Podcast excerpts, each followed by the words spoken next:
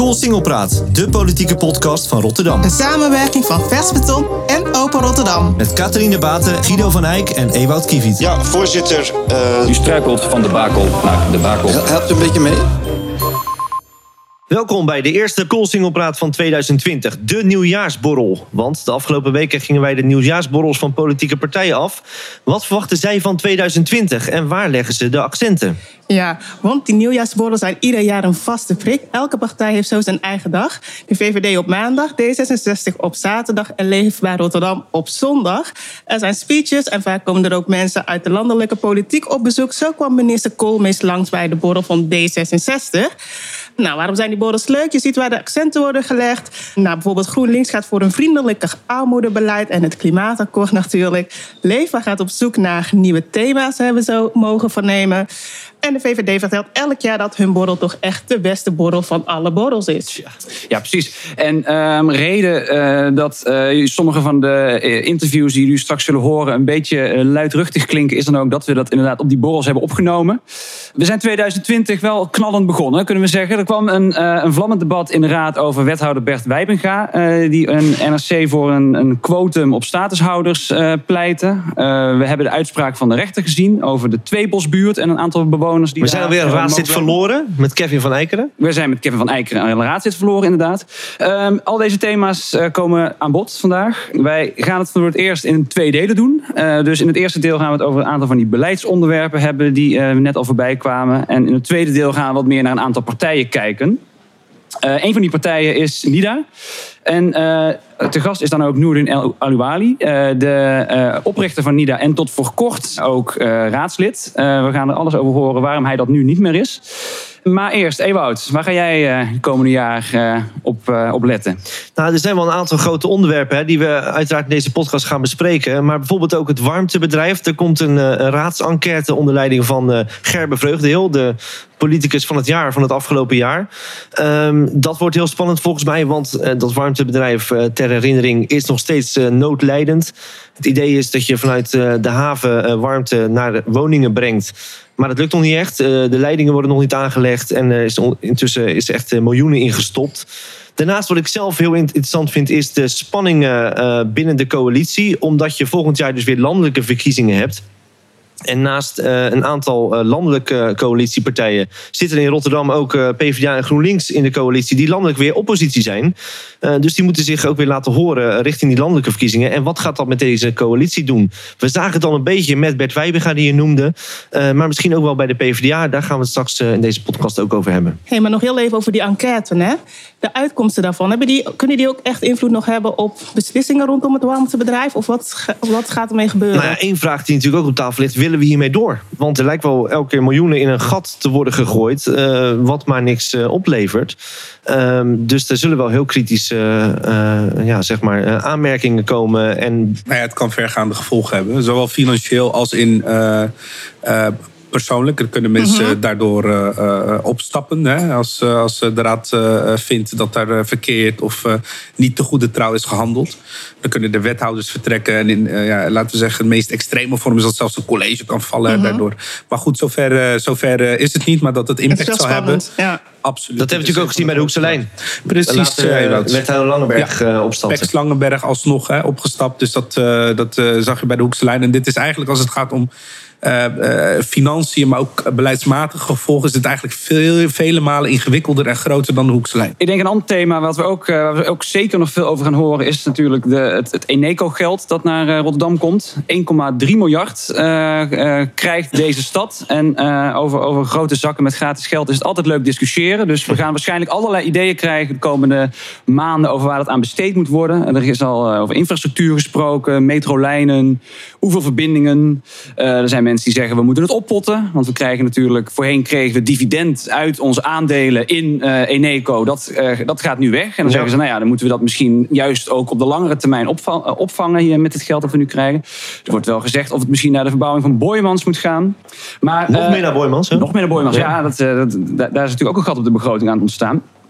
Met de verbouwing daarvan. Maar een van de concrete dingen waarvan we al weten dat er uh, in ieder geval in eco-geld naartoe gaat, is de energietransitie. Daar is een, nu een pot van 150 miljoen uh, voor uh, gereserveerd. En, en dat wordt deels of grotendeels gevuld met Eneco-geld. En we waren op de nieuwjaarsborrel van GroenLinks in de Nieuwe Poort aan Wena. Het had een klein beetje de sfeer van een, een, een crematorium, moet ik zeggen. Niet zozeer, niet de, niet de borrel, maar, maar, maar, het etablissement waar het gehouden werd. Maar wij vroegen duurzaamheidswethouder eh, Arno Bonte of het uh, inderdaad bij die 150 miljoen uh, blijft voor die energietransitie. De, de inkomsten vanuit de verkoop Eneco die lonken ook. Um, en uh, wellicht dat we daar nog een beetje extra ook richting energietransitie kunnen laten gaan. Maar er zijn nog heel veel andere uh, goede doelen, ook voor Rotterdam, uh, die geld hard kunnen gebruiken. Bij de energietransitie er is nog geen top 3 lijstje dat ergens op het nachtkastje ligt waar het naartoe gaat. Nou, ik heb uh, top 20 lijstjes. Er zijn nog uh, zoveel uh, dingen die er moeten gebeuren en die er ook kunnen gebeuren. maar daar moet ik ook gelijk bij zeggen, niet alles hoeft vanuit de gemeente betaald te worden. We gaan dit jaar gaan we de grootste walstroominstallatie van Europa gaan we realiseren. bij de, de, de schepen van Herema in, in Rozenburg. En um, dat had nooit voor elkaar kunnen komen als we daar als gemeente uh, niet ook uh, uh, een bijdrage hadden geleverd. Soms is er een klein beetje geld van de gemeente nodig om een hele grote investering los te krijgen. Nou, als we zo horen, dan krijgt Arno Bonte volgens mij die 1,3 miljard in zijn eentje ook wel op. Catharine, wat hou jij in de gaten de komende maanden? Ik ben zelf wel heel erg benieuwd naar het cultuurplan. Tot 31 januari kunnen culturele organisaties een aanvragen indienen. En in het najaar van 2020 wordt er dan inderdaad komt het cultuurplan uit. Dus dan weten we hoe de gelden verdeeld zijn. En wat ik dit jaar wel spannend vind, want je ziet eigenlijk al, het subsidiestelsel is al anders ingedeeld dan voorheen. Er zijn acht organisaties, acht grote Rotterdamse organisaties, die zijn, uh, hebben eigenlijk al 42 miljoen gekregen om, uh, nou, zeg maar, dat geld wordt over hun verdeeld. En overigens 37 miljoen, daar mogen andere organisaties naar gaan dingen. Uh, nou ja, die acht organisaties, dat heet dan de zogenaamde Rotterdamse culturele basis. Nou, en daar is, kun je wel kritisch op zijn of dit nou een goed idee is. is. is. het inderdaad volgens jou een goed idee om zoveel naar een paar organisaties uh, te geven? Nou ja, de, de gemeente wil daarmee juist eigenlijk dat het toegankelijker wordt zeg maar, voor uh, nieuwe en kleinere instellingen. En dat het meer op maat voor hun wordt gemaakt om inderdaad dingen naar dat geld. Alleen anderzijds kun je je ook wel afvragen van goh deze organisaties die worden nu niet echt kritisch, uh, die staan niet ter discussie. Nou, als je bijvoorbeeld gaat kijken naar... Want over welke hebben we het? We zitten hier in de doelen, die zitten bij, denk ik, nou, aan. Onder andere de Rotterdam Theaters natuurlijk, uh, Zuidplein, Theater Zuidplein, uh, Boymans. Nou, je hebt echt inderdaad over de grote organisaties. Maar ja, je kunt natuurlijk wel afvragen, als je bijvoorbeeld kijkt naar Rotterdam Theater daar is afgelopen week natuurlijk heel veel in het nieuws over geweest. Dus je kunt je ook afvragen van, goh, mogen die niet, waarom staan die niet ter discussie wanneer het gaat om kwaliteit? En nu hebben ze hm. vooral gekeken naar kwantitatieve redenen. En we hadden hier een aantal weken geleden cultuurwethouder uh, Said Kasmi eh, te gast in Kossing op praat. En toen hebben we het ook over gehad van dat het misschien, uh, misschien iets meer ook naar Rotterdam-Zuid zou moeten gaan. misschien Noordin, hoe kijk jij daarnaar? Nou ja, ik ben niet blij met hoe, hoe cultuurbeleid zo een beetje vorm krijgt deze periode. Omdat een aantal belangrijke ja, speerpunten voor heel veel partijen aan de voorkant wel duidelijk waren. Een daarvan was bijvoorbeeld innovatie, uh, talentontwikkeling, uh, et cetera. En wat, uh, wat we nu zien is dat met die BIS, die basisinfrastructuur, er wordt gekozen om de grote ehm, instellingen in onze stad veilig te stellen. Hè? dus dan gaat eigenlijk a priori gewoon buiten dis discussie stellen we een aantal instellingen. dat vind ik niet de juiste aanvliegroute. Ik ben op zich niet tegen basisinfrastructuur zie je in Amsterdam ook. Maar dat zou dan meer op functie ingericht moeten worden. Wat vinden we belangrijk als Rotterdam? Welke hmm. functies zien we graag terug? Kijk, uh, ik, ik heb er helemaal niks aan dat we drie musea's uh, die uh, samen 20 of 30 miljoen opstropen in die BIS zetten. Ik heb liever dat we kijken van ja, wat ontbreekt er en wat kunnen we aan diversiteit van functies daarin thuis brengen. Nou, die discussie heeft helaas nooit plaatsgevonden. Belangrijkste vraag is nu wat gebeurt er met de niet-BIS-instellingen? De kleine culturele ondernemingen ondernemers. vaak ook de innovatie zit. Waar vaak ook eh, echt eh, nou ja, heel veel, eh, heel veel bruist. Ja, wat doen we met die, met die kleine makers of middelgrote makers in onze stad? En daar, die gaan nu echt in de knel raken. Al heb ik wel begrepen dat er echt specifieke regelingen gaan komen. Ook voor organisaties die bijvoorbeeld niet een vierjarige subsidie, die daar niet zoveel aan hebben. Die dus bijvoorbeeld op basis van kleinere subsidies dan. Ja, dat klopt. En dat, op zich hebben we wel het instrumentaria op papier. En dat hebben we eigenlijk altijd wel gehad. Die incidentele subsidies subsidies noem je dan. Maar je hebt er niks aan als je er geen geld bij doet. Want wat er daarnaast nog gebeurt, eh, eh, eh, dat weten we ook allemaal, is dat bijvoorbeeld het vastgoed waar alle instellingen in zitten, dat is zo slecht onderhouden. Dat is gemeentelijk vastgoed. Zo slecht onderhouden. Dat willen we dat zeg maar weer op acceptabel niveau krijgen.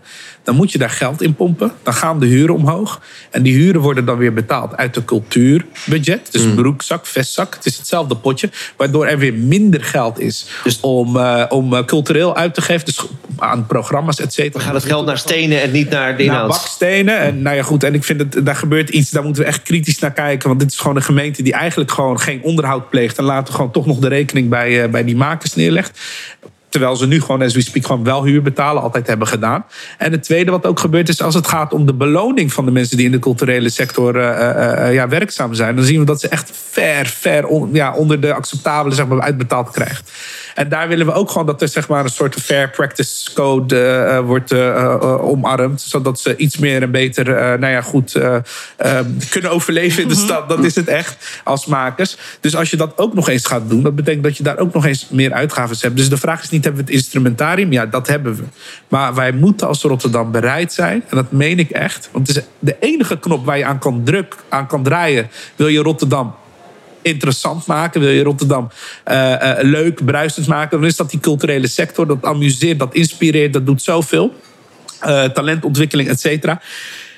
Willen we dat doen, dan moet er gewoon een beetje geld bij. Dat is het eerlijke verhaal. Ik heb dat eh Said meerdermaals eh, verteld eh, voordat ik vertrok. Eh, ik hoop dat het gaat lukken, want er is op zich wel een meerderheid die daarvoor is. Nou, dus eh, geld naar cultuur, niet naar bakstenen. Zijn we toch weer terug bij Boymans, volgens mij.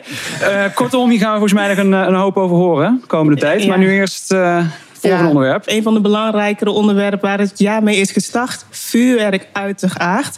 Eh, nou, volgens mij kunnen we het wel het grootste politieke besluit van dit jaar tot nu toe noemen. We eindigen zonder consumentenvuurwerk. Eh, en dat, dat natuurlijk na een eh, onrustige nieuwjaarsnacht. Ewald, je moet ons even herinneren, want de VVD heeft op dit terrein wel even een draai gemaakt. Ja, nou het gekke is, je zegt net, eh, we eindigen zonder consumentenvuurwerk. Nu weer toch weer niet. Want hoe zit het nou precies? Eh, als we eerst even landelijk kijken. Nou, landelijk was er lange tijd eh, geen meerderheid voor een vuurwerkverbod of een gedeeltelijk vuurwerkverbod. Nu is dat er wel. Ook de VVD en het CDA zijn afgelopen week door de bocht gegaan en zijn nu voor een verbod op knalvuurwerk en, en vuurpijlen. Eh, was wel een opmerkelijk moment. Eh, ik sprak Klaas Dijkhoff nog eh, in de Tweede Kamer. En die zegt dus nu inderdaad... ja, wij zijn nu ook om. En daarmee zegt de VVD hier lokaal... Anders dan ze eerder stelden, we- zijn we toch niet voor een algeheel verbod. Dat waren we alleen als de landelijke politiek niks deed. Nu de landelijke politiek wel iets gaat doen, want komende jaarwisseling komt er hoogstwaarschijnlijk zo'n verbod op die vuurpijlen eh, en, eh, en- dat knalvuurwerk. Ehm, eh, trekt de VVD zich daar zijn handen weer vanaf en krijgen we hier dus gewoon net als in andere steden alleen een verbod daarop en niet een algeheel vuurwerkverbod in Rotterdam.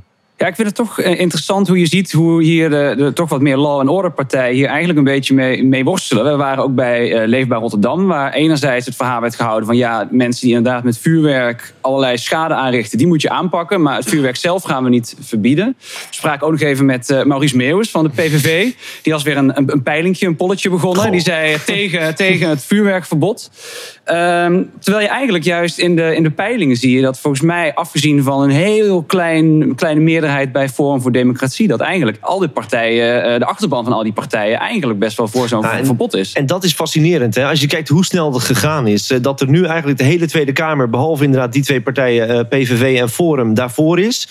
Eh, en, en, en nog maar een half jaar geleden eh, werd bijvoorbeeld Dilan Jezielgus, de woordvoerder van de VVD in de Tweede Kamer op dit onderwerp, teruggefloten toen zij voor zo'n gedeeltelijk verbod En pleitte. met welke argumenten werd zij toen teruggefloten? Nou, dat haar fractie daar niet achter stond. Eh, omdat dat natuurlijk eh, voor VVD'ers moeilijk is. Eh, zij voelen die hete te adem ja. van, van, om iets te verbieden vanuit liberale opvattingen. Maar ook omdat zij eh, de PVV en, en Forum in de nek voelen hijgen. Eh, ja, het is natuurlijk niet populair om te zeggen... je mag geen vuurpijl meer voor je huis afsteken. Noorden, ik zag jou, ja, je hoofd schudden. Nee, nee, omdat Ewout zei om iets te verbieden vanuit liberale motieven, daar heb ik ze nog nooit op betrapt. Mm. Ik bedoel, als ze iets willen verbieden, dan, dan kunnen ze dat best ja. doen. Hè? Gaat vrij makkelijk met law and order argumenten. Ja, nee, zeker. Ze hebben eh, vaak genoeg eh, zaken ingeperkt. Maar inderdaad, veiligheidsargumenten, veiligheidsillusies vaak. En je ziet ook dat hoe ze dit verbod ook verkopen. Dat is allemaal in, in, in de trant van veiligheid. Ja, want tuig die op eh, politieagenten pijlen afschiet. Eh, Terwijl dat natuurlijk wel een maatschappelijk probleem kan zijn. Misschien ook wel eh, zeker is. Maar het echte probleem is veel groter. En dan zit hem niet alleen op veiligheid. Kijk, als je gewoon luistert naar alle, alle deskundigen op dit vak, veiligheidsregio, de brandweer, andere mensen vanuit het oogziekenhuis hier in Rotterdam. Burgemeesters. Burgemeester die keer op keer inspreekt, die zegt: mensen, dit is collectieve waanzin. Zowel als het gaat om maatschappelijke schade en vooral als het gaat om persoonlijk leed. Hè? Ook de combinatie vaak alcohol, vuurwerk. En niet eens eh, eh, intentioneel, maar gewoon per ongeluk. Je geeft eigenlijk mensen wapens in handen Ja, voor, dat- voor dat één dag per jaar. zoveel gevolgen. En dan hebben we het niet eens al net over duurzaamheid en ambities en wat we daar allemaal op willen bereiken. Nou ja, luchtkwaliteit op oud en nieuws. Ik denk ik vol- volgens mij in Rotterdam dan tien keer slechter dan eh, weet ik wel, beste plek op China ergens. Weet je, dat, dat zijn ook argumenten. En wat je hier ziet, en ik denk dat dat bij VVD leidend was, en dan, daarom schudde ik nee, is dat in feite nog maar twee partijtjes die tegen zijn. Hè, want traditie en verder eh, eh, houdt het redeneren op. Eh, eh, is dat ze bang zijn dat ze gewoon electoraal gaan inleveren aan Forum en aan, aan, aan PVV. En helaas zie je dat dan een invloed keer op keer op een tal van dossiers van de PVV en bijvoorbeeld een Forum voor de Democratie, die is veel groter dan alleen die zeteltjes die ze hebben. Dat zag je met Fortuyn ook. Ja. Is namelijk wat doen de andere partijen? Die Die, schuiven het ook- ja, Ja. en daar moeten we ons echt van bewust zijn. eh, van ja, hoe, hoe zulke partijen eigenlijk het hele spectrum kunnen domineren Maar van vind, dit jij het dan, vind jij het dan wel van moed getuigen dat de VVD hier eh, het voortouw heeft genomen eh, om dat toch ter discussie te stellen? Nee, VVD hier eh, getuigt van realisme. Ze waren de enige in de coalitie die het nog tegen konden houden. Want heel veel onderwerpen kunnen progressief beslecht worden in de Rotterdamse Raad. Gewoon door de Er samenstelling. is een meerderheid, ja. Ja, er is een meerderheid. Leefbaar, VVD en CDA bij elkaar hebben gewoon geen meerderheid in de Rotterdamse Raad. Is een feit. Dus als de VVD de Raad los zal laten, wat democratisch eigenlijk ja, gewoon eh, gezond is om dat af en toe te doen, want er waren geen afspraken over. Ja, dan is er gewoon een meerderheid in de Raad die zegt van ja, laten we het anders organiseren. Dus ze waren gewoon realistisch en ze hebben het op een mooie manier gespind. En ik geef ze ook even de credits. Ik vind het wel tof, als ze iets goeds doen, moet je dat ook toegeven. Ze hebben het aangedurfd om ook richting landelijk te zeggen van luister, het moet anders. En daar ben ik ze gewoon dankbaar voor. Want dat is ook gewoon goed. Maar wie misschien ook wel eh, credits verdient, is jouw oud- oud-fractiegenoot, hè? Toen je nog bij Ja, GroenLinks zeker. zat. Arno. En ik ook. Ik bedoel, We zaten in dezelfde de fractie. de huidige wethouder Arno Bonte dus? Uh, Ja, huidige ja. wethouder Arno Bond, eh, fractie van 2010, 14. Daar zat ik toen ook, eh, was ik een van de drie, Judith, Arno en ik. Met eh, onze collega's in Den Haag, toen de fractie in Den Haag. Ja, we werden voor gek verklaard toen we dat als eerst eh, zeg maar op de politieke agenda. Arno in het bijzonder natuurlijk. Ja.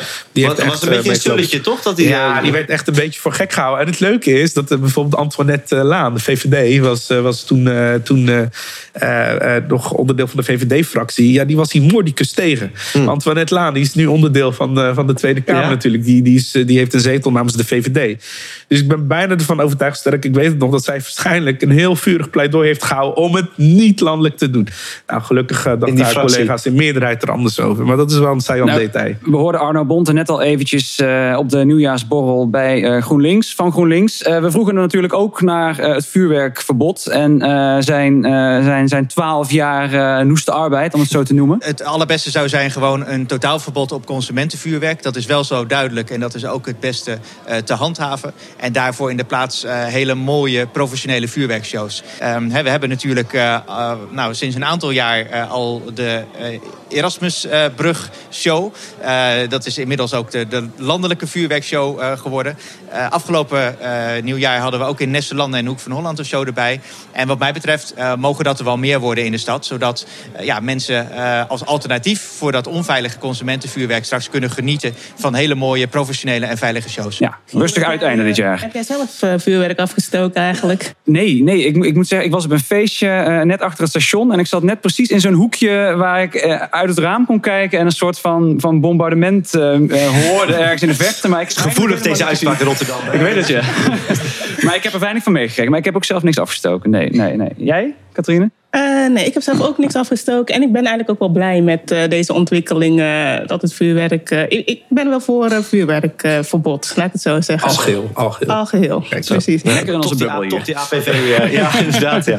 wat ik wel interessant vind eh, naast dit vuurwerkverbod is dat we hebben het wel vaker gehad over GroenLinks eh, en hoe die het doet, misschien ook in dit college.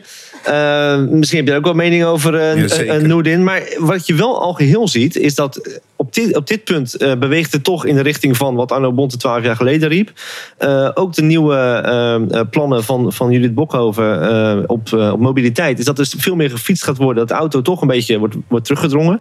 Dus het beleid beweegt wel hun richting in. Energietransitie noemen we. Energietransitie, dat valt ze wel na te geven. Het, het, het komt wel hun kant op. Ja, kijk, kijk, de visie van GroenLinks, eh, D66, andere progressieve partijen, als het gaat bijvoorbeeld om klimaat, vraagstukken, et cetera. Ze, ze riepen vrij vroeg, toen het misschien nog niet bij iedereen zo werd gevoeld, van we Nee. moeten echt een andere koers gaan varen.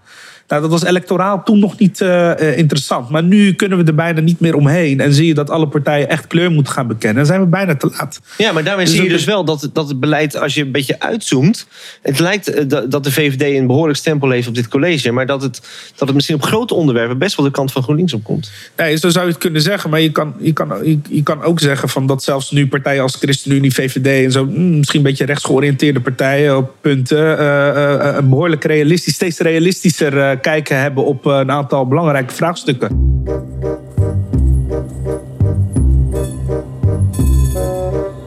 Koolsingelpraat is een samenwerking van lokale omroep Open Rotterdam en online tijdschrift Vers Beton. Met deze podcast willen we politiek dichter bij de Rotterdammer brengen. Wil je ons helpen om ook volgend jaar deze podcast te maken? Word dan adverteerder. Dan promoten we jouw bedrijf op deze plek. Zijn er nog genoeg betaalbare woningen in Rotterdam? En ook 2020 begon op dat terrein eh, natuurlijk ook weer eh, pittig met de uitspraak van de rechter. Die zei dat 17 mensen in de Tweebosbuurt, dat ze daar mogen blijven en dat hun woningen niet worden gesloopt. Daarover eh, gaan we het zo meer hebben. Eh, we zijn ook naar de VVD-borrel geweest en daar spraken we onder andere met de bouwwethouder Bas Curvers van Bouwen, Bouwen, Bouwen. En eh, we vroegen hem wat er moet gebeuren dit jaar. Wij moeten vooral heel veel bij gaan bouwen. Bouwen, bouwen, bouwen. We zien nog steeds dat de middenklasse in de knel zit in Rotterdam. En dat we meer huizen moeten bouwen. Dat eh, agenten, leraren, zorgpersoneel gewoon een huis kan vinden in Rotterdam. Want je merkt gewoon nog steeds overal waar ik kom... hebben mensen gewoon buikpijn als ze Funda openen en een huis zoeken. Ja, en dat moet eraf. En dan moeten er gewoon meer huizen bij.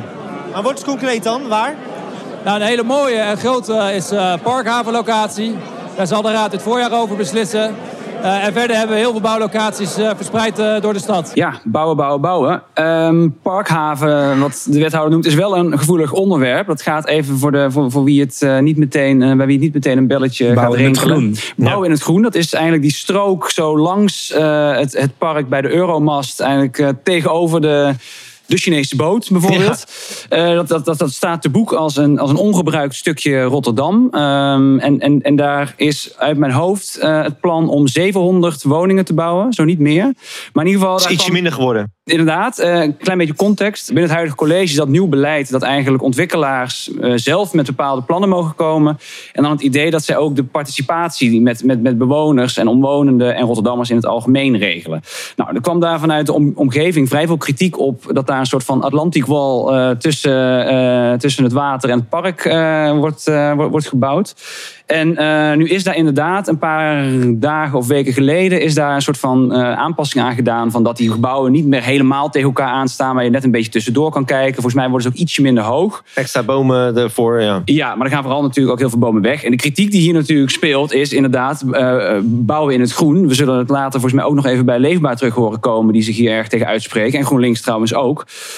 Van, nou ja, Rotterdam heeft niet zo vreselijk veel groen. En het is makkelijk om in een park te gaan bouwen... maar het is een stuk moeilijker om weer een park terug te, terug te plaatsen.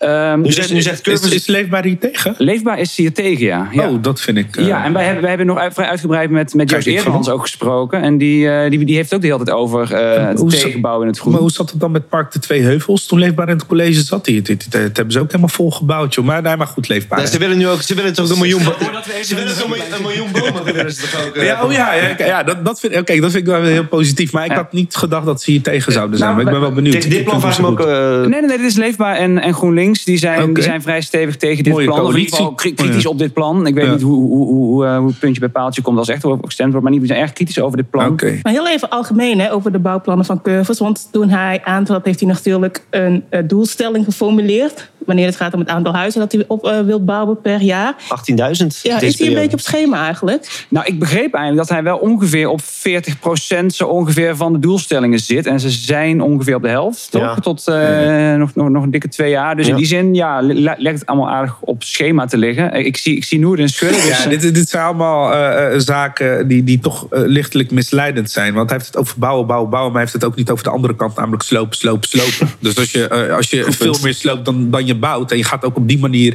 eh, tellen... dan heb je een reductie aan het aantal woningen. Niet een toename aan woningen. Dus daar ga je niet een probleem mee oplossen. Je gaat een probleem vergroten. Dat is het eerlijke verhaal.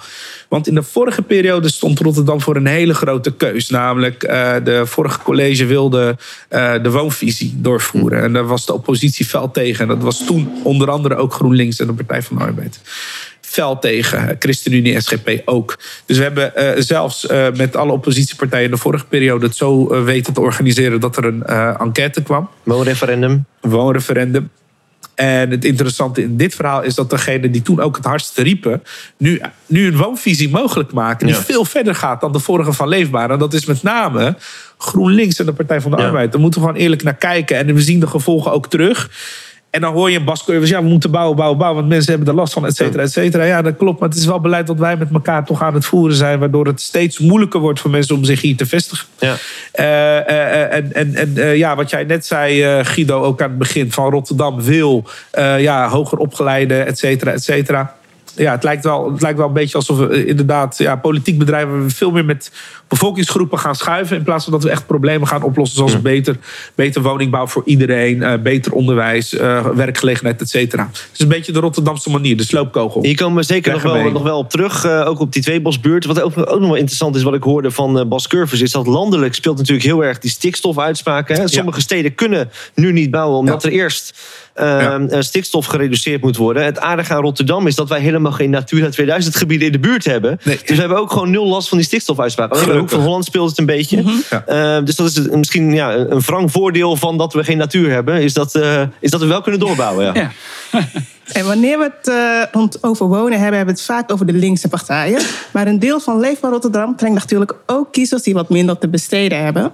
Op de nieuwjaarsborrel van Leefbaar Rotterdam in Café Wilskracht in Alexander spraken we partijvoorzitter Ronald Buits. Leefbaar deed kiezersonderzoek waaruit bleek dat potentiële jonge leefbaarstemmers zich ook druk maken over de woonruimte in de stad. Leefbaar is immigratie en veiligheid. Dat zijn de twee stempels die op leefbaar zitten. Maar we zullen de komende jaren heel nadrukkelijk ook eh, richting de woonvisie. eh, dat wordt een enorm belangrijk punt de komende jaren. Woonruimte in Rotterdam. Dat wordt echt een, een, een hot topic. Dat is het al. Nog meer dan het al is. Eh, de hele energietransitie. waarin waanzinnig 280.000 huizen in Rotterdam van het gas af moeten. Dat gaat miljarden kosten. Bizar gewoon, weet je. Dat, dat, dat is echt de welvaart van Rotterdam op het spel zetten. Dus het is echt belangrijk dat we ook op die thema's eh, eh, ja, heel nadrukkelijk eh, eigen ideeën voor het voetlicht gaan brengen. En ja, bij woonruimte is voor jongeren een van de dingen die heel belangrijk zijn. Zeker. Nou, ik zag Noorden al met, met zijn handen in het haar en over de vloer rollen. Maar doet me heel eventjes waarom, dit, waarom ik het wel, wel een heel interessant eh, punt van, van eh, eh, Ronald Buit vind. Is dat je eigenlijk een aantal jaar geleden... ehm, ik heb altijd vrij veel over leefbaar geschreven. En het viel mij toch altijd wel op als je, als, als je doorvroeg... van hebben jullie nou nog heel veel meer dan schoon, heel veilig en, en, en migratie misschien? Dat er toch eigenlijk op deze onderwerpen niet heel veel ideeën kwamen. En, en nou ja, wel ideeën, want natuurlijk de, de, de, de huidige woonvisie is ingevoerd onder een, een leefbare wethouder. Eh, Ronald Snijder was dat toen. Ze willen zich electoraal verbreden. En je ziet dat ze dan toch iets met deze onderwerpen moeten. Maar ik ben, ben nieuwsgierig, Noorden. Jij, Ja, nee, jij ja. keek een beetje moeilijk toen jij Ik Ronald Buit hoorde. Ik vind het zo schizofreen, weet je wel. Omdat je gaat eerst, eh, ben je verantwoordelijk voor een, een, een, een woonsituatie of mede verantwoordelijk. Want inderdaad, wethouder Snijder heeft de eh, woonvisie zijn pièce de résistance genoemd. Hè? Dus dat, geeft, hij geeft daar een politieke duiding aan. Van we moeten dit als, als laatste eh, eh, slag van verzet. Verzet tegen de verdere verkleuring van Rotterdam. Zo interpreteer ik dat. En dan hoor ik nu Ronald bij zeggen... ja, maar we moeten nu echt, eh, ook eh, echt eh, over die woonvisie gaan praten. Want eh, ja, die jongeren die kunnen hier niet meer wonen. En dat is toch heel zorgelijk. Wat, ik, wat positief is. Maar, maar het is weet je, het is, het is zo dubbel. Weet je, het is zo dubbel. Je bent, eerst doe je er alles aan om die situatie zo te krijgen. eh, en vervolgens ga je zeggen, ja, we moeten nu echt alles gaan doen om eh, die Rotterdammer die weinig te besteden he- heeft eh, ook te helpen. Want het is inderdaad hun achterban die ze het hardste raken vaak. Komen ze veel te laat achter. Ja, we, we noemen het eigenlijk al de tweebalsbuurt. Eh, zullen we het daar gewoon over gaan hebben? Want volgens mij zijn we er allemaal wel aan toe. Het is vooral ook heel pijnlijk voor de, voor de PvdA geweest. Als je kijkt naar dat, dat onderwerp. eh, eh, 600 woningen die gesloopt worden.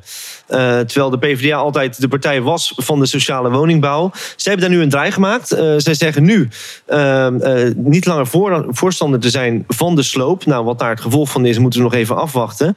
Eh, maar dat het zo gevoelig ligt in die partij, merkte ik ook op de PvdA-borrel op het gerenoveerde partijkantoor in Krooswijk. Want daar sprak ik een tot voor kort PvdA-stemmer. In de toekomst moeten we het afwachten. Ahmed Abdillahi, die woont ook in de Tweebosbuurt en die was er erg kritisch over. Ik, ik wil ook blijven, maar eh, sowieso het is, het is hoopgevend dat de rechter over die 17 bewoners zo heeft zeg maar, over uitgesproken. En, eh, dit is echt hoopgevend en ik maak me nu voorlopig niet zoveel zorgen daarover. jij blijft gewoon zitten? Ik blijf gewoon voorlopig zitten waar ik zit, ja. ja. En, en vind je dat de, dat de PvdA een fout heeft gemaakt? Ik- Ik vind van wel, want eh, volkshuisvesting dat zijn van die kernwaarden van Partij van de Arbeid. En dat zijn gewoon van die principes, die kan je niet verkwanselen. Nee, die kan je niet verkwanselen. En ik hoop dat ze zich echt eh, eh, heel erg, eh, heel goed daar nog over gaan nadenken. Ja. ja.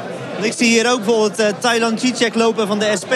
Ja. Die, die, zegt, die, ja, die voert actie met jullie eigenlijk. Hey, wij stellen dat echt. Zij hebben ons de afgelopen anderhalf jaar ontzettend ondersteund. En eh, het is iets eh, wat, waar, ze ook, eh, waar zij ook hun echt ontzettend dankbaar voor zijn. En zoals zij ons hebben ondersteund, heeft geen enkele partij ons zo ondersteund. En dat zullen wij nooit vergeten. Nee. Maar toch ga je PvdA stemmen, of weet je nog niet? Principieel, ik stem altijd Partij van de Arbeid. Maar in de toekomst, ik, ik, ik sluit het niet uit dat ik voor een andere partij ga stemmen. Ja. Omdat ze dus bij de Tweebosbuurt jullie niet echt geholpen hebben? Wellicht, misschien, ja. Onder andere, onder andere, ja. Nou, we horen nog wat twijfel bij hem. Hè? Ja, het is wel iets. Maar iets in die zin heeft hij toch wel gelijk. Ik bedoel, Ja. de Partij van de Arbeid heeft ook wel gewoon, wanneer het gaat om het slopen van die woning in de Tweebosbuurt, een sociale waarde verkwanseld. Waarom, heeft, eh, waarom is de Partij van de Arbeid daar eigenlijk toen mee in zee gegaan? Met dit Omdat het eigenlijk het laatste besluit was van het vorige college. Zo hebben ze het ook altijd uitgelegd. Dat is al besloten. Ehm, en eh, eh, het was eigenlijk een voldongen feit. En ze noemden dan als argument. dat zegt ook Co Engberts, waarmee ik sprak. Misschien kunnen we er ook vrij snel naartoe gaan. Ehm, eh, dat, dat de kwaliteit van de woningen niet goed meer was. En nu zegt Vestia dus eh, in, de, in de rechtszaal. eh, dat, die, eh, dat die kwaliteit niet de reden was voor sloop. En daarom zien zij nu een mogelijkheid om te draaien. Om te zeggen, wij zijn niet langer voorstander van die sloop. Maar die draait dan toch vooral gewoon nu een soort van imago-schade, beperking. Nou, moet ik het zo wellicht. zien? Wellicht, Maar ja. hier, is, hier is gewoon vreselijk slecht onderhandeld eh, bij, de eh, bij het aantreden van de nieuwe coalitie. Ik kan een hele cynische kijk met jullie delen. En ik denk ook dat dat ook voor een deel een interessante perceptie is. Bij de onderhandelingstafel na de verkiezingen vorige periode, waar ik ook bij eh, zat, waren er een aantal eh, mensen eh, die heel graag wethouder wilden worden en een aantal mensen niet. Nou, mensen die eh, aan de onderhandelingstafel zaten en geen wethouder wilden worden, waren bijvoorbeeld de VVD-fractie en onderhandelaars, zoals Vincent Karreman en Tim Versnel. Die deden de onderhandeling namens de VVD, maar hadden verder geen wethouderambities. En de overige drie linkse partijen die hadden nadrukkelijk wel mensen aan tafel zitten die ook heel graag wethouder willen worden. Mijn analyse achteraf is dat ze te veel hebben toegegeven aan de VVD op dit punt. Echt gewoon te veel. En daarmee inderdaad sociale waarden hebben verkwanseld. Geldt niet alleen voor de Partij voor de Arbeid. Bij het geldt ook voor GroenLinks. Minder voor D66 op dit punt. Want die waren sowieso voor de woonvisie. Maar voor GroenLinks en de Partij van de Arbeid ben ik ervan overtuigd dat ze te veel hebben ingeleverd. Omwille van hun eigen eh, ambities. Namelijk eh, wethouderschap en een aantal andere eh, zaken die ze ook wel binnen hebben geharkt. Maar het staat in het niets. Als je dat goed en kritisch analyseert met wat de VVD in deze constellatie heeft samen eh, eh, voor elkaar heeft gekregen. De VVD is echt bij far de winnaar. En mijn analyse daar, eh, in retrospect was ook omdat zij eh, aan, aan de onderhandelingstafel zaten zonder wethouders ambities en de anderen wel. En dat, eh, ja, dat hebben ze toch een, een bepaalde waarde in de uitverkoop gedaan. Dus je zegt eigenlijk de honger naar macht heeft de partijen Dit is hun sociale waarden doen inslikken. in politiek anno nu is idealisme niet het enige wat telt. Maar ambities van individuen net zozeer. En dat zijpelt soms ook door in, in behaalde resultaten of niet. En eh, eh, wat je terecht zegt, ik denk dat de, de Partij van de Arbeid, partij als partij en de leden daarvan nooit zouden vinden van laten we doen wat daar nu gaat gebeuren met deze coalitie. En ik denk dat de Partij van de Arbeid dat inmiddels eh, top als in de raad dat ook wel doorheeft. Maar als je op een gegeven moment eerst een afspraak maakt en je zet je handtekening eronder omdat het een onderdeel is van een set van afspraken, ja, dan ga je te ver. Maar het interessante is, en dat is wat ik eh, mijn collega's zou adviseren, ik ben geen raadslid meer, maar heel veel is afgesproken, maar heel veel is ook niet afgesproken in die coalitieakkoorden. Wat je nu ziet, is dat de VVD nog steeds domineert op de punten die niet zijn afgesproken. Kan je een voorbeeld geven? En dat moet je later aan de Ja, raad ook, waar het gaat, eh, ook waar het gaat om nieuwe besluitvorming. Ik noem maar wat, verkoop van Eneco, verdeling van het geld, et cetera. Nou, dat is niet eh, helemaal afgesproken in de coalitie. Maar wel dat, dat ze Eneco wil verkopen. Ja, dat in principe wel. Maar wat er vervolgens gebeurt niet. Dus ik zou zeggen, ook richting mijn linkse vrienden... van joh, breng dat nou terug naar de raad. Misschien kan je het nog duurzamer krijgen. Misschien kan je het nog socialer krijgen. Misschien kan je het nog inclusiever krijgen. Want die meerderheid is in principe wel. Maar de VVD... Die is als de dood om in deze samenstelling als links te worden gezien. Dus wat zij keer op keer doen bij elk belangrijk besluitpunt, is dat ze dat onderling bekokstoven. Ik iets rechts, jij iets links en voor de rest we verdelen het onderling en voor de rest gebeurt. Ja, Interessant. dat, is, dat is een hele interessante kijk in hoe het nu functioneert. En ik denk dat de Partij van de Arbeid, dat zie je nu in de Tweebosbuurt, op het moment dat ze zeggen van ja luister allemaal goed en aardig, wat we hebben afgesproken prima. Maar wat we niet hebben afgesproken, en zeker bij de rechter eh, eh, zegt van ja zoals het nu gaat, eh, hoeft het niet of kan het niet. Dat de Partij van de Arbeid zegt van ja daar, daar, daar zien wij de ruimte om toch ja, iets anders te vinden. Ja dat kan ik alleen maar aanmoedigen. En zo zou het eigenlijk ook in een gezonde democratie moeten functioneren. Zullen we ons nog even luisteren naar eh, Co Engberts? Die eh, zegt waarom dit zo'n moeilijk dossier voor hun was en waarom ze nu toch gaan twijfelen. Eh, even voor de helderheid, dit was voordat ze daadwerkelijk de beslissing hadden genomen om eh, hun, eh, ja, zich tegen de tweebos sloop te keren. Toen wij akkoord gingen met, het, eh, met dat hele plan, eh, toen hadden wij natuurlijk niet voorzien dat eh, het symbool zou worden voor eh, afbraak van de sociale woningvoorraad. Wij waren er wel, ehm, wij worstelden er ook toen al mee. Ehm, en voor ons was dat vooral eh, omdat we de bewonersparticipatie extreem slecht vonden in het plan. Ehm, en wij liever meer sociale woningbouw terug wilden. En we zijn toen akkoord gegaan omdat eh, de kwaliteit van de woningen onvoldoende was. Ik was wel met stomheid geslagen toen ik gisteren las dat eh, Vestia eigenlijk had aangevoerd dat de kwaliteit van de woningen geen reden voor sloop was. Nou, ik ben daar, nog, daar ook nog niet over uit. Ik vind het waanzinnig eh, dat dat eh, zo, eh, zo gezegd is. Dus ik wil daar heel erg graag heel veel eh, vragen beantwoord zien. Maar betekent dat nu dat die hele sloop op losse schroef is komen te staan? Nou, kijk, een rechter heeft een uitspraak gedaan. De, de, de huurcontracten mogen niet verbroken worden. Dus dat heeft consequenties. Ik ben niet van, eh, van de school dat we dan de rechte, rechterlijke macht eh, gaan lopen negeren. Dus ja, dit, dit betekent wel iets. Maar wat, dat weet ik nog niet. Maar past het bij die nieuwe koers van de PvdA om eh, hier even de tanden te laten zien en te zeggen wij zijn, wij zijn het toch niet meer mee eens? ik bijt altijd in alles wat mij niet zint. nou, Co. Hey, Catharine, ik ben wel nieuwsgierig. Want jij, jij, jij kent de PvdA in Rotterdam natuurlijk vrij goed. Eh, in, in hoeverre ehm Co Engbersen zegt van... Ja, wij zijn hier toch wel door overvallen. In hoeverre denk jij dat dat twee jaar geleden niet toch al wel een soort van nagedacht werd... van ja, dit is toch wel een moeilijk dossier voor ons? Twee jaar geleden toen werkte ik inderdaad op de fractie eh, van de Partij van de Arbeid. En ik weet dat dit inderdaad een moeilijk dossier was. Maar zoals uh, zojuist uitlegde, inderdaad in zo'n fase of in zo'n tijd waarbij inderdaad coalities gesmeed moeten worden. Uh, komen inderdaad dit soort thema's voorbij. Maar ik weet wel dat dit een moeilijk thema was. Vooral dat Coder toen ook wel echt hier niet per se mee eens was. Hoe er inderdaad achter de schermen uiteindelijk bij die coalitie, daar was ik niet bij, zeg maar, bij de besprekingen. Maar ik denk dat de, jouw uitleg van hoe zoiets uiteindelijk dan gaat, ja, ik denk dat dat zeer terecht is. Nee, ik zat wel bij die onderhandelingen voor een heel groot deel, uh, tot heel ver. Zat, zat, je, zat je er ook met de gedachte om wethouder te worden eigenlijk, of niet? Nee, ik persoonlijk niet. Ik, uh, ik was realistisch genoeg. Uh, ik zat vooral met, uh, met het doel om zoveel mogelijk invloed uit te oefenen. En ik had gehoopt dat Nina een, een, een, belangrijke rol toebedeeld zou krijgen. En dat is nog even los. Ik denk dat ik in de raad zou zijn gebleven. Dat heb ik ook iedereen verteld. Hm. Wat ik trouwens wel interessant vind als we even uitzoomen, is dat eh, de, de PvdA heeft vorig jaar natuurlijk eh, eh, weer een keer een verkiezing gewonnen. Europese verkiezingen, vooral onder leiding van Frans Timmermans. Maar je ziet wel ook landelijk weer een hernieuwd zelfvertrouwen bij die partij. En daar heeft dit volgens mij ook wel mee te maken. Dat zij nu zeggen van wij keren ons to- ja, wij, wij, wij, nemen een ander standpunt in. Wij eh, gaan iets anders doen dan wat het college vindt. Eh, ze hebben weer wat brani. Eh, en dat gaat ook wel, wat ik eigenlijk in de inleiding ook al een beetje zei... in deze coalitie volgens mij weer voor nieuwe spanningen zorgen... als die partijen zich weer gaan profileren. En wat overge- eh, overigens ook aardig is... is dat ik van eh Co Engberts hoorde... is dat hij heeft geprobeerd, geprobeerd GroenLinks mee te krijgen... dat ze samen dit standpunt zouden nemen... en zich tegen de sloop van de Tweebosbuurt keren. Maar GroenLinks heeft het niet gedaan. Van GroenLinks, eh, GroenLinks kan- hoef je niet veel te verwachten. Eh, echt waar. En, maar het is toch wonderlijk, want je zou Ja. zeggen, er is eigenlijk, eh, aangezien Leefbaar dit vooralsnog wel stemt, Is zou je zelfs als, als PvdA en, en GroenLinks die terug zouden trekken, dan is er nog een meerderheid. Nou ja, kijk, ik heb gemerkt dat GroenLinks op geen enkele thema, op geen enkele thema het heeft gedurfd. Behalve dan nu met eh, Bert Wijminga, Ja. die quota. Dat ze, maar toen hing iedereen aan de telefoon, weet je. Ik bedoel, dat is dan niet zo heel sterk of knap. Komen ze op terug. Ja, komen zo op terug. Maar GroenLinks heeft in, tot nog toe niet één keer echt haar nek durven uit te steken eh, in deze samenstelling. En gezegd van ja, wacht zo eens even. Zo gaan we het niet doen. Niet één keer. En eh, heeft ook niet één keer, is mijn ervaring tot nog toe, de Partij van de Arbeid ook geprobeerd te steunen in iets wat, laten we zeggen, een gezamenlijke strijd zou moeten zijn van die twee op sociaal eh linkervlak, om het zo te zeggen.